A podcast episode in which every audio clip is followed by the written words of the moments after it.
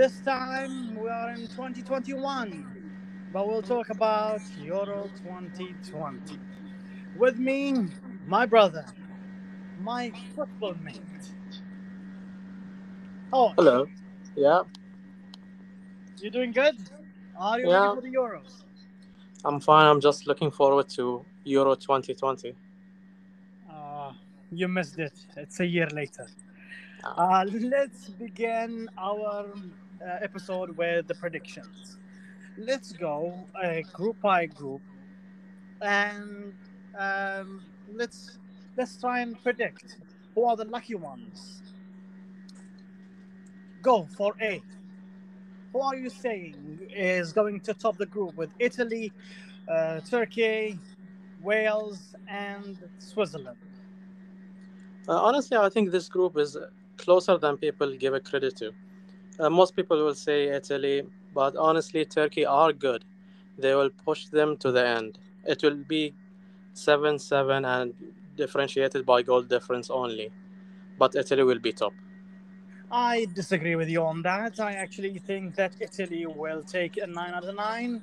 Then Switzerland will be 6 out of 9, leaving Wales to be 0 points and the Turks to be eliminated not even with the top 4 of the third places. So we both agree that Wales will be last, right? Wales are very, very bad. I don't understand the team. A team neighboring England, a team with two of their best um, teams in in the country, Cardiff and Swansea, uh, playing in the Premier League at some point. They are unable to produce a decent player. Yes, I mean that, Gareth Bale. No decent player in the team. How come they are this bad? Honestly, if you think about it, Gareth Bale, their best player, is not playing 100% for Spurs. Spurs. And there is no other player. Ramsey was good for a certain time. Then who? Do you know anyone else? Well, say Neco Williams, that um, reserve right back for Liverpool, but the guy got a red card for misplaying the game of football and playing handball inside the penalty area against France in that friendly. Well, Wales is bad, but they have surprised us last tournament five years ago. I really hope that they don't do it this time. Uh, we'll go to Group B, uh, the one with all awesome teams. The massive team of the massive country in Russia, the neighboring Finland, Denmark with their Lord Bendtner, and, in my opinion, the way overhyped Belgium. What do you say? No, come on, man. Belgium are not overhyped. Belgium will be good this year. Their team is overly talented. They have Lukaku, a beast.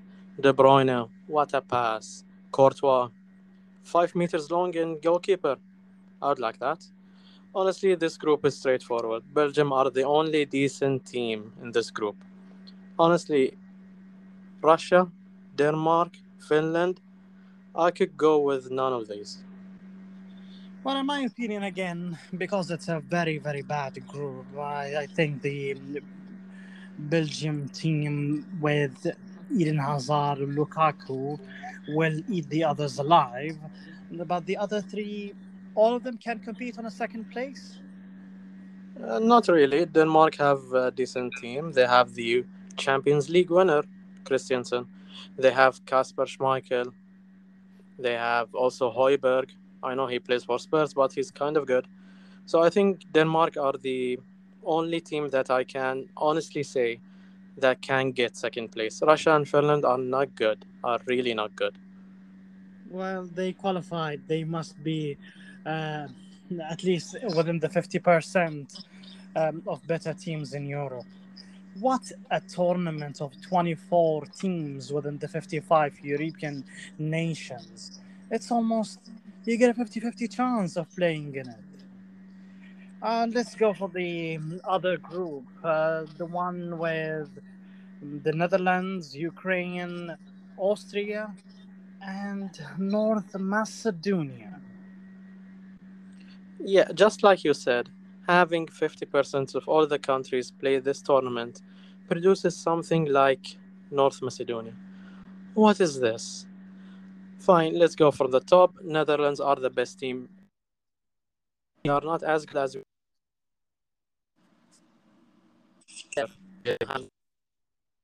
they will top it, but I don't think anything more. Well, you got interrupted over there. Um, can you repeat it? Uh, so I'm saying that the Netherlands will be top because they are the best team in this group, but they're not as good as they were one or two years ago when they had Van Dijk, they had Koeman, Depay was playing out of his skin. They have Well- Ake now. They don't have anyone good. Uh, this time they have Van Dijk uh, as a cheerleader, as I've read in one of the news. Um, damn, that's a big downgrade. In my opinion, the Netherlands, being the best of the loser, losers, may somehow make it this time. Um, I don't have that much trust in their coach, but their team is full of talent. Their team can self run themselves. They will definitely top this group with ease. Um, maybe even scoring seven goals in one game. But I don't know whether the next part of the tournament will be that easy on them. In my opinion, um, it is as uh, I said, uh, the Netherlands number one, followed by Austria, then Ukraine, and North Macedonia, or maybe Ukraine, then Austria. Uh, then we go for the other group, the clash of Scotland England, um, reminding me of the 1996 match.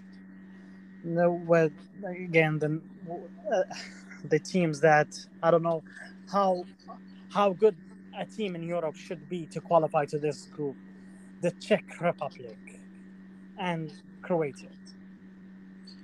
Let's just start with something. Guys, football is not coming home. I know this is the Euros, they are not the World Cup, but still, it's not coming home. We don't have Iceland this time, but we do have better teams, and you, you're not gonna win it. But you're gonna win this group because the other teams are not that good. Croatia, um, being the second best team in the world in 2018, weirdly enough. Uh, Czech are good. They will be better than Scotland. Scotland don't have a decent team. They have Tierney and they have Robertson. Both of them are left backs. Other than that, I don't see any talent in there. There will be bottom. Then with it, then going with Czech Republic, with the West Ham couple of Souček and Coufal. Then Croatia with Modric's last tournament, I think, and then with Gareth Southgate. Well, uh, who eliminated England in 2018? Croatia. Why don't you think they can do it this time? I don't know. I think the hype around England is not that correct, but they do have a better team now, and Croatia have a more aged squad. So Modric is older, Kovacic is older, and the front line is also older. So I don't think they will be able to compete much. They may draw, but I don't think with England's firepower, with Kane, with Sterling, with Foden, with Sancho, uh, they will score multiple goals against the Czech and Scotland. But as I said, maybe only to the round of 16. That's it. What do you think of the fact that this tournament is spread around Europe?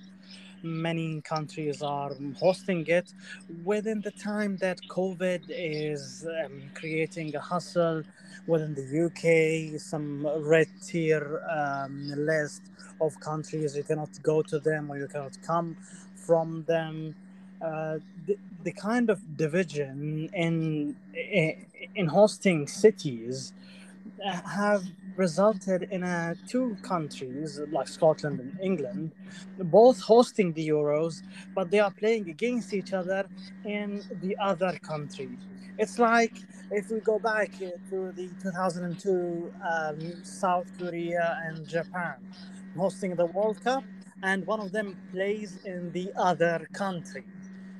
Do you think this this is sane or do you think this is just another UEFA mishap? Honestly, I was against this kind of tournament from the start, even before COVID hit us. And now with COVID, it's just insane. It doesn't make sense. We're playing in Azerbaijan and we're playing in Scotland. Like, what's with that? And with you said that um, England and Scotland will play each other in Wembley uh, it's an unfortunate thing but the overall idea of having multiple like i'm not saying two or three. Two or three is fine. We did it in ukraine and austria i think or ukraine and switzerland. But having it in eight countries or even more i'm not sure by now it's just a fad. Well um, this was one of the genius ideas um, from um, michel platini the guy who then got suspended for life. Well, uh, the this thing is going, unfortunately, but it's going in a direction that I don't think many people would like. Uh, different countries having different limitations for the capacity of their stadiums. You go to Munich and you have 12,000 watching you, and you go to Baku having more and more, it's insane. As you want as many as many fans as possible, or you want none. You, you, you don't want that kind of injustice in between. After we uh, we finish with the four uh, groups, we have two remaining. One of which has Spain, Sweden, Poland, and Slovakia in them. Uh, a group of teams, a group of national teams uh, that one day all of them qualified to the World Cup, uh, but not all of them are living the same glory of those days. So we can start with Spain. Uh, Spain is a controversial thing because Sergio Busquets decided to have COVID nineteen. Well, he did not decide that. if you think about it, he should be in a secure bubble. How did he get it? It does not make sense to me. But fine, let's say that he did not decide to have COVID 19 and he unfortunately got it. That doesn't make a difference because, because all of the Spain squad is now in quarantine. And honestly, I don't know if they can go through with it. I don't know if they can play in the tournament. But if we say that they do play in it, they will top the group even with their B side, even with their Olympic uh, side, they can still to- top it. You have Sweden, or, Sweden or Poland. Poland is a one-man team, Lewandowski, and a semi-decent goalkeeper in Szczęsny. All of the other guys are mediocre at best. I think they will not qualify. I think they will get the third place and not qualify. This leaving Sweden in second place and qualifying because the group is a bit mediocre again. And with Slovakia, Slovakia are a weird team. They have some decent players in there, but I don't think they have the enough cohesion, the enough talent throughout to challenge for the qualification spot. Well, I, I would disagree with you in regards of um, Poland getting third, not Sweden. But in my opinion, a one-man team in Lewandowski uh, can guarantee you a win or least a draw against Sweden and a win against Slovakia. that's stating that he is not injured and he is supplied with at least three balls in the 90. Uh, well, uh, Lewandowski seemed um, to us as Bayern fans much more valuable than we uh, took him for granted for previous years and the match against Paris Saint Germain. But maybe it's a different story, maybe it's the same. The final group, the final group, the group F, the Iron Group, with Hungary in them the best team in the 50s. What And- an unfortunate place to be. And the remaining France, World Cup winners, the holders of the tournament, Portugal, and the previous World Cup winners of 2014, the team, the giant, mighty, the die Nationalmannschaft. Just just stating how this draw is insane. You have the World Cup winner of 2014. Then we go to the next tournament, 2016, the Euros. You have the winner there. You have Portugal, and then you go to the next tournament, 2018 World Cup. You have the winner also there, France, and all of them are in the same group. And then we have Belgium with Denmark, Finland, and something. Uh, I'm not even sure that I said the right country. it, it doesn't make sense. And honestly, I'm sorry for Hungary. I'm pretty much sure they are a good team, but they have no chance in qualifying in this group. Well, Maybe. Uh, the criteria of uh, the draw was uncool, and I was not cool with how the other teams qualified, say Hungary and Scotland. But this is an idea to bring football to everybody, to allow teams to participate. And out of these three teams, who do you think will be top? I think the winner um of Germany uh, against France is going to top this group. I had a epiphany that it's going to be a six six six points. Um, in a way that um, Germany is going to beat France and lose of Portugal, that is going to lose to France, and it's going to be something like it with all of them beating Hungary. But recently, uh, I saw a team that is not too good of France. In the friendlies, they were not playing that well. The French team is a good squad, but it's not a good starting 11, and that's the issue with France, and that's also the issue in Portugal. Portugal have a decent squad. They have Rúben Dias, the best player in the Premier League, whether you like it or not. And I don't. I also agree, I don't. and uh, you contrast that with the, the Germany team. The Germany squad is not the strongest German squad I've ever seen, but the starting 11 has some kind of cohesion, have a decent amount of talent, and with bringing Hummels and Muller back, you have that necessary leadership. There will be second though. Um, as the predictions that my predictions were put mm, before the games that I saw for France, I had in mind that France will be top of the group, then Germany, followed by Portugal, leaving Hungary to be last. Um, all the three will qualify as um, the best of the best. Um, going the next round, if we go by the same way that we had earlier, um, allowing myself to to predict things and using UEFA.com for their predictor, uh, I got myself a nice set of games. Well, y- you can see them later on. Um, but uh, th- these games ended up by having um, a semifinal of Germany against the Netherlands, where the other hand having Belgium and Italy. Um, I did the yours? same thing, you know. Um, I I did the same thing, but I had a different semi-final, and that just shows how much agree and disagree with France, and I had Germany with a, spe- a special team to be the dark horse of this tournament, but I'll be enough.